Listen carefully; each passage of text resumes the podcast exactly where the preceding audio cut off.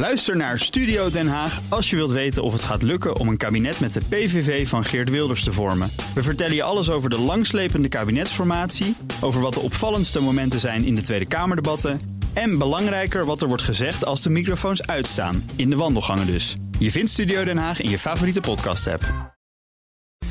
Economenpanel. Eurocommissaris voor Mededinging Margrethe Verstager wil dat Europa direct geld steekt in duurzame bedrijven. En de inflatiecijfers van het CBS lopen uit de pas met de inflatie die consumenten daadwerkelijk ervaren. Dat en meer bespreek ik in het Economenpanel. En daarin zitten Barbara Baarsma van de Rabo Carbon Bank en hoogleraar Economie aan de Universiteit van Amsterdam. En Arno Boot, hoogleraar ondernemingsfinanciering en financiële markten, ook verbonden aan de Universiteit van Amsterdam. Welkom. Dank je. Barbara, laten we beginnen met een persoonlijke noot. Want ik eh, kondig je nu nog braaf aan als eh, van de Rabo Carbon Bank. Hoe lang is dat nog het geval? Ik ben tot 1 maart uh, de trotse CEO van de Rabo Carbon Bank. En dan geef ik het vol vertrouwen over aan mijn opvolger Roland van der Vorst. Um, en dit was zo toen ik twee jaar geleden bij de Rabo Carbon Bank begon. Heb ik een aantal uh, doelen gesteld. En die heb ik in november bereikt. En daarom is het nu een natuurlijk moment om het stokje over te dragen. En wat komt er na dat natuurlijke moment voor Barbara Baarsma in de plaats?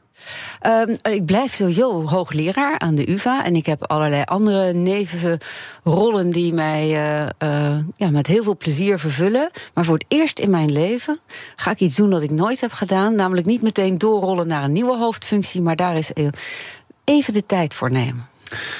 Voordat de tijd van het economenpanel al verstreken is, snel naar het uh, eerste onderwerp. Het Centraal Bureau voor de Statistiek zegt dat de inflatie in januari 7,6% bedraagt. En dat is fantastisch nieuws, want de inflatie is daarmee ver onder het punt van de piek van de 15% Of niet? Econoom en lid van dit panel, Martin Visser, schreef in de Telegraaf vorige week dat je deze cijfers letterlijk de prullenbak in mag gooien en wel per direct.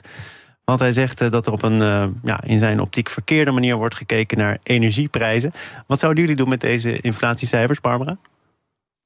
Nou, Kijk, je kan er op twee manieren naar kijken. Eén is te vergelijken door de tijd heen. En als je steeds verkeerd meet, dan zeggen in ieder geval de verschillen door de tijd heen nog wel wat. Maar het is ook inderdaad wel goed om te kijken hoe meet je deze dingen en zijn die nog realistisch? Eigenlijk een beetje hetzelfde als met koopkrachtplaatjes. Um, inflatie, koopkrachtplaatjes zijn dingen die grote betekenis hebben in het dagelijks leven van mensen. En het krachtige van de column van Martin Visser vind ik niet zozeer dat op de details ingaan van hoe het berekend wordt. Maar als wij dit soort cijfers, zoals koopkrachtcijfers of inflatiecijfers, niet meer kunnen vertrouwen, als mensen uh, in, in de samenleving dat niet meer vertrouwen, dan ondermijnt dat de geloof in het, in het probleemoplossend vermogen van de politiek, in maar onze kun je bestuurders. deze cijfers dan niet meer vertrouwen? Want je zegt tegelijkertijd, en dat klopt natuurlijk ook, als je het uh, vorig jaar verkeerd hebt gemeten, dan moet je dat in lijn met wat je toen deed, consistent blijven doen. Al is het CBS nu bezig met een andere meetmethode natuurlijk. Nee, ik denk dat je voortdurend open uh, moet zijn over de voordelen van hoe je het meet en de nadelen hoe je het meet. Open moet staan ook als er iets gebeurt, zoals de afgelopen jaren met ineens heel sterk stijgende energieprijzen. Dan zie je ook dat de methodiek niet meer werkt zoals die zou moeten werken. En dus inderdaad niet de informatie geeft zoals mensen die ervaren. En dan is het tijd om die methodiek ook aan te passen. Dat doet het CBS nu. Um, uh, hopelijk komen ze snel met andere resultaten. En ik denk dus ook dat we die cijfers met de nodige onzekerheidsmarges, zoals we dat ook met koopkrachtcijfers steeds meer doen, uh, met de nodige onzekerheidsmarges moeten presenteren, zodat het niet is een puntschatting, het is 12,1 procent, het is 9,6, maar met een onzekerheidsmarge daaromheen. En het CBS, CBS heeft opnieuw berekeningen gemaakt, um, waarbij ze 75 procent van alle, van alle data van energiebedrijven hebben meegenomen. En daar zie je ook, hebben ze in plaats van een puntschatting, hebben ze een wolk gemaakt met wat het zou kunnen zijn, zoals we dat eigenlijk ook bij koopkracht doen. En dan zie je. Jeetje, dat, uh, daar kunnen heel veel meer mensen zich, denk ik, in herkennen.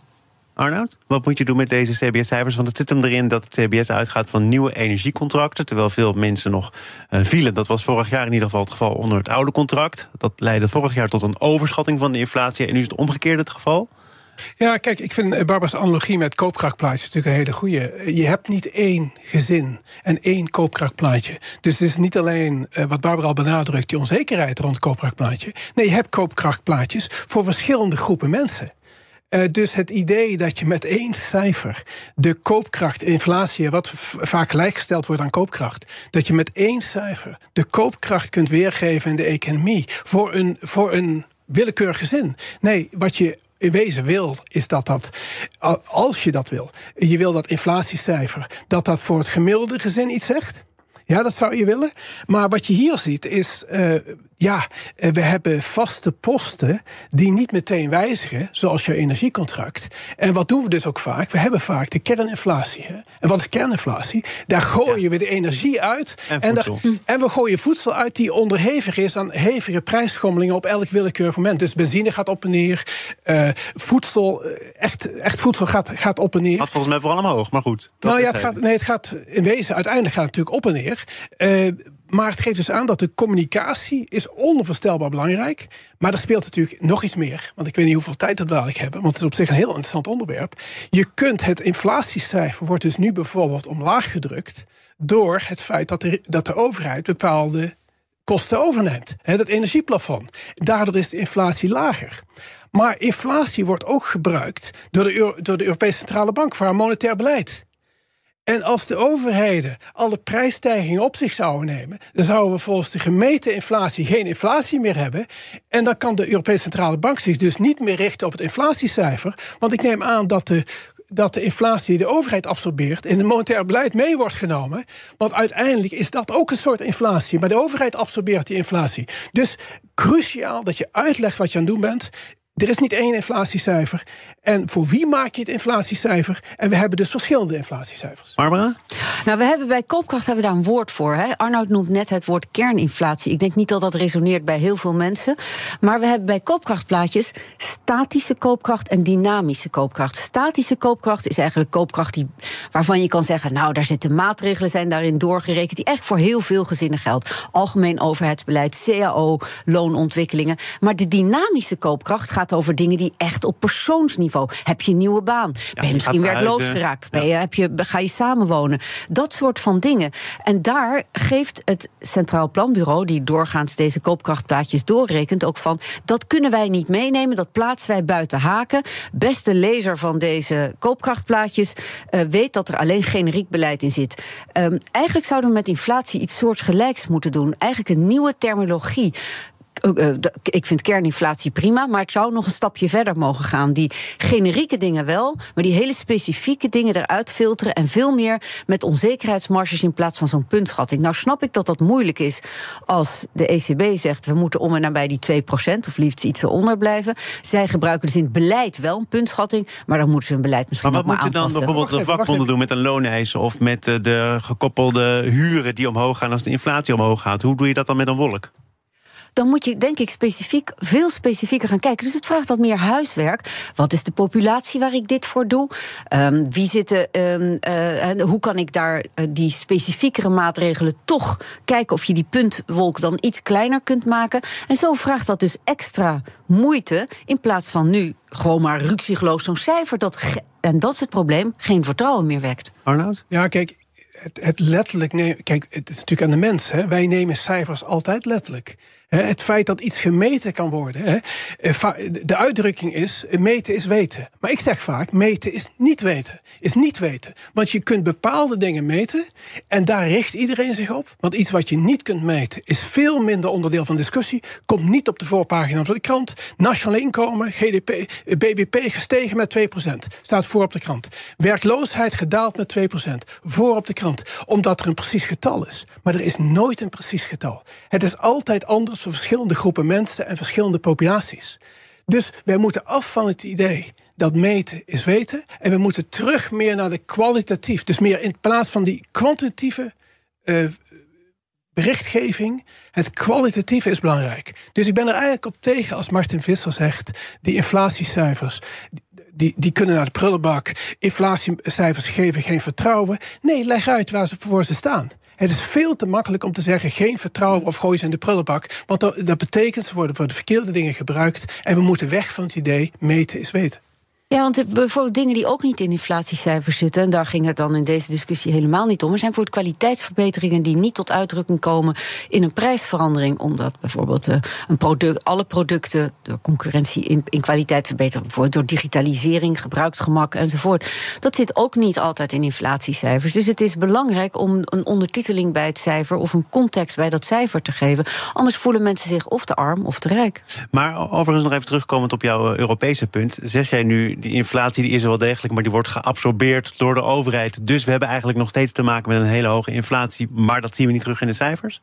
Op het moment, op het moment dat de overheid prijsstijgingen absorbeert, dus een, plafond, en men laat de, de, de bevolking minder betalen van het ene moment op het ander voor energie, omdat de overheid dat overneemt, dan heb je in wezen inflatie heb je. Uh, diezelfde prijsstijging van energie die de overheid op zich neemt, die zal nog steeds een, werking, een werking hebben in de economie. En dat betekent dat de ECB, die zal zich niet richten op het inflatiecijfer, mm. wat door de overheid ja, eigenlijk beïnvloed is. Ik zeg niet gemanipuleerd, maar beïnvloed. Dus stel dat je door al die overheidsingrepen uitkomt op een inflatie van 2% of iets daaronder, dan is dat voor de ECB niet meteen reden om het ingezette beleid te stoppen. Want zij weten wel degelijk, het zit eigenlijk anders in elkaar. Absoluut. Dus als, als, de, als, de, ECB zegt 2% is onze norm, waar we, waar we onder willen zitten of op willen zitten, dan zal ze moeten uitleggen wat ze met die inflatie bedoelt. Want we hebben laten zien in beleid dat het inflatiecijfer op zichzelf te beïnvloeden is door een overheid die het gedeeltelijk op zich neemt. Nou ja, dit is dus helemaal waar. En bovendien zitten ook dynamische effecten door de tijd heen, bedoel ik. Um, want als wij nu kunstmatig de de koopkracht van mensen op peil houden door uh, een deel van de ellende uh, uh, te collectiviseren via de overheid, dan wil dat niet, he, dan betekent dat dat we eigenlijk aan het opgeteld al die maatregelen aan het overcompenseren zijn. En dat kan betekenen dat de inflatie bijvoorbeeld langer aanhoudt dan die had gedaan zonder deze maatregelen. Of dat we hem via de overheidsschuld doorschuiven naar uh, andere generaties. Dus er, dit is niet zo van je kan het wegpoetsen en dan komt het nergens in de economie meer terug. Het kan oppoppen over een, over een jaar, over een paar jaar. Het is dus nog steeds daar. Zeker als je gaat overcompenseren, dan ben je de inflatie gewoon aan het doorschuiven. We, gaan, we gaan naar Brussel op uh, verschillende aspecten. Doorpraten in het economenpanel. BNR Nieuwsradio. Zaken doen. Thomas van Zeil. De gasten Barbara Baarsma en Arnoud Boot. Europa moet overwegen om te investeren in bedrijven die bijdragen aan een klimaatneutrale economie. Dat zegt Margrethe Verstager, de eurocommissaris voor mededinging, in een interview met onder andere het FD. Arnoud, wat is Verstager eigenlijk van plan? Ja, um, oh, dit je is... begint er al vermoeid bij te praten. Ja, het is natuurlijk uh, het is ingewikkeld. Ja, omdat het, omdat het heel gewikkeld is. Het komt, eh, het, eigenlijk komt het voor mij ook een beetje als, uh, als verrassing. Hè? Uh, Europa is op allerlei manieren compensatiepakketten in elkaar aan het zetten. en daar komt ze dan vaak ook met hele mooie woorden bij. Hè? De vergroening in Europa versterken. Dus we hebben een crisis, uh, coronacrisis, dan maken we een fonds. En dat fonds moet dan besteed worden om de Europese economie te versterken. En er wordt meteen groen bijgehaald, duurzaam bijgehaald, digitaal bijgehaald. En nu is er een nieuwe variant op. Europa, misschien wel een respons richting Amerika, waar, waar, uh, waar Biden de Amerikaanse uh, industrie zwaar gaat oh, steunen. Oh, laat misschien maar weg. Volgens mij is dat wel een belangrijke overweging. Dat is een belangrijke overweging, maar ik zeg dan altijd: wij doen dat al lang. En uh, Amerika, die bedrijven gaan echt niet naar Amerika toe. Want ze zitten hier qua activiteiten. En we moeten een beetje zelfvertrouwen hebben. In plaats van dat we Amerika gaan naapen. Het is ook helemaal niet verstandig om allerlei subsidies te gaan geven. Je moet dat via, wat economen altijd roepen. Waar Barbara het vaak gezegd heeft. Ik heb het vaak gezegd. Je moet dat beprijzen. Je moet juist zorgen dat energieverbruik omlaag gaat. Ja, maar er spelen nu verschillende dingen. Hè? Want die subsidies heb je, dat is één. Maar twee is haar nieuwe plan. Bovenop dat eh, Green Industrial Plan. Namelijk direct investeren, aandeelhouder worden op afstand van groene bedrijven. Maar waarom zou je dat doen als die groene bedrijven gewoon een kans hebben?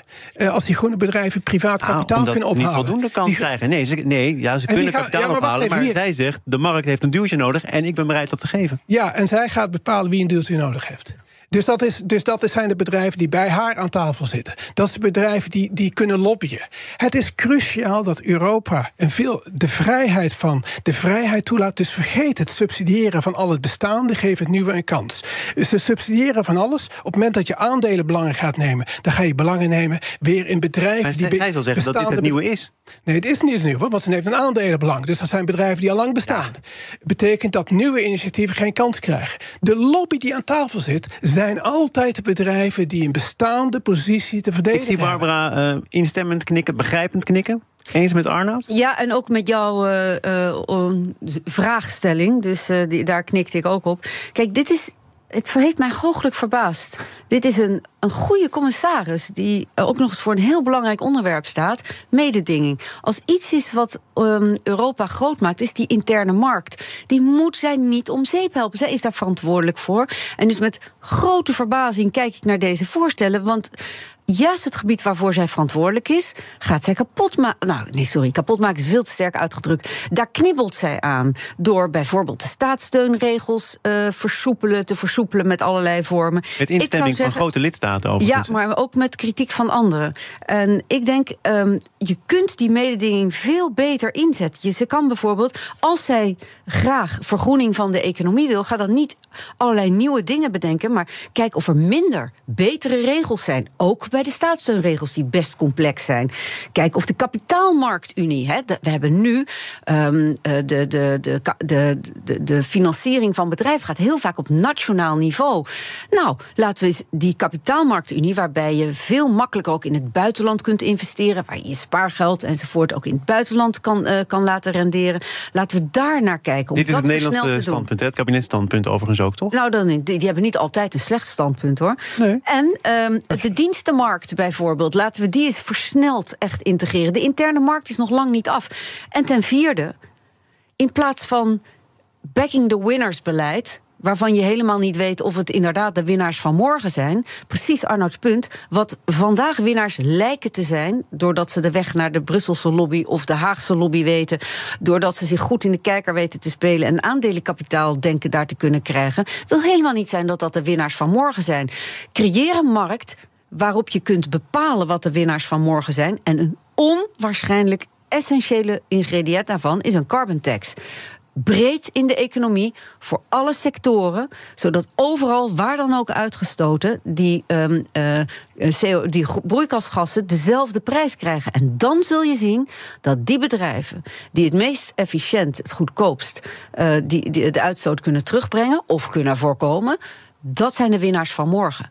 En zo moet je het laten werken in plaats van allerlei nieuwe fondsen, regels, eh, subsidies enzovoort. Veel te ingewikkeld. Tot kort nog even in welke munt je dat moet betalen of eh, juist eh, kunt verdienen. Namelijk de euro. Ja, hij staat toch nog even ook op het eh, agendaatje van het economenpanel. Er wordt vandaag over gesproken in de Tweede Kamer. Ik heb Arnold er in deze uitzending al kort over gehoord.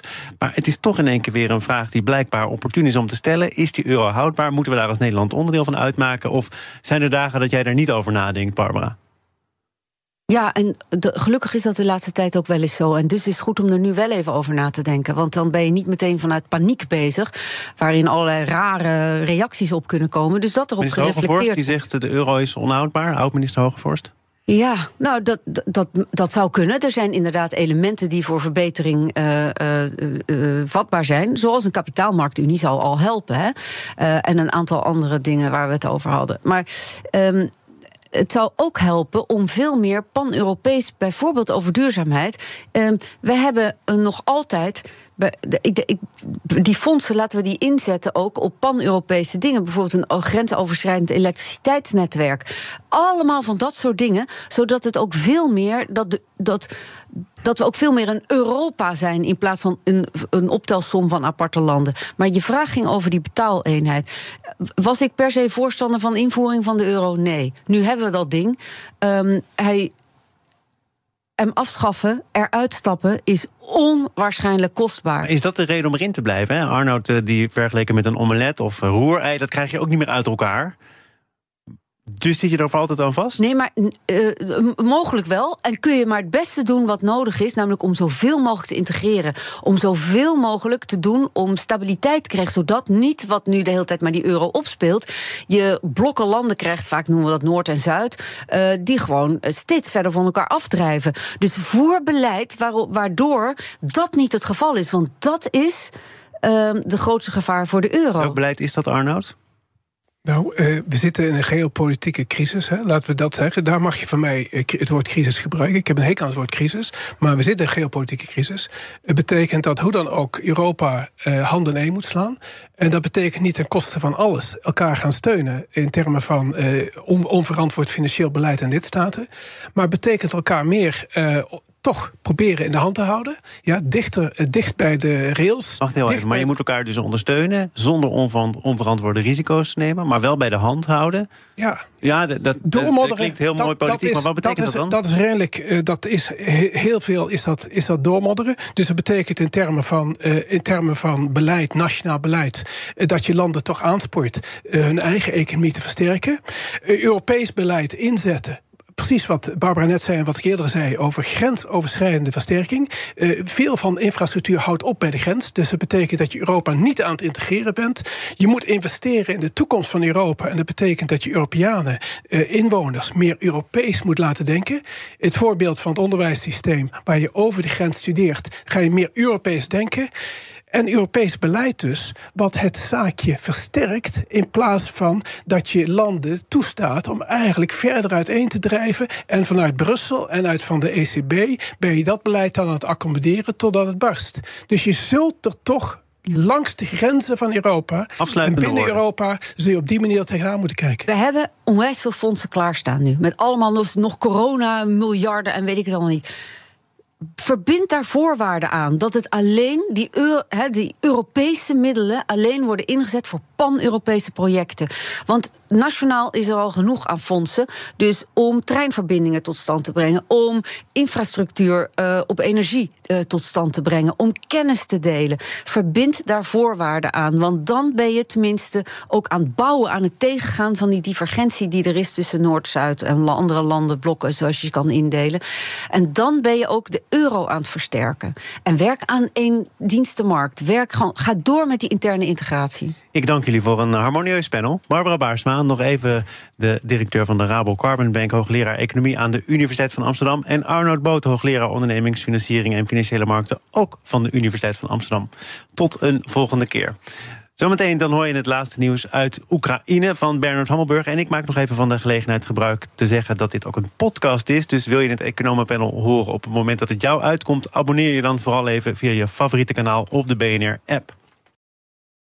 Ook Liesbeth Staats vind je in de BNR-app. Ja, heel handig. Luister live naar Kees en mij tijdens de Daily Move. Dan blijf je ook gelijk op de hoogte van breaking news en het laatste zakelijke nieuws. En daar vind je ook alle BNR-podcasts, waaronder de Perestrooikast. Download nu de gratis BNR-app en blijf scherp.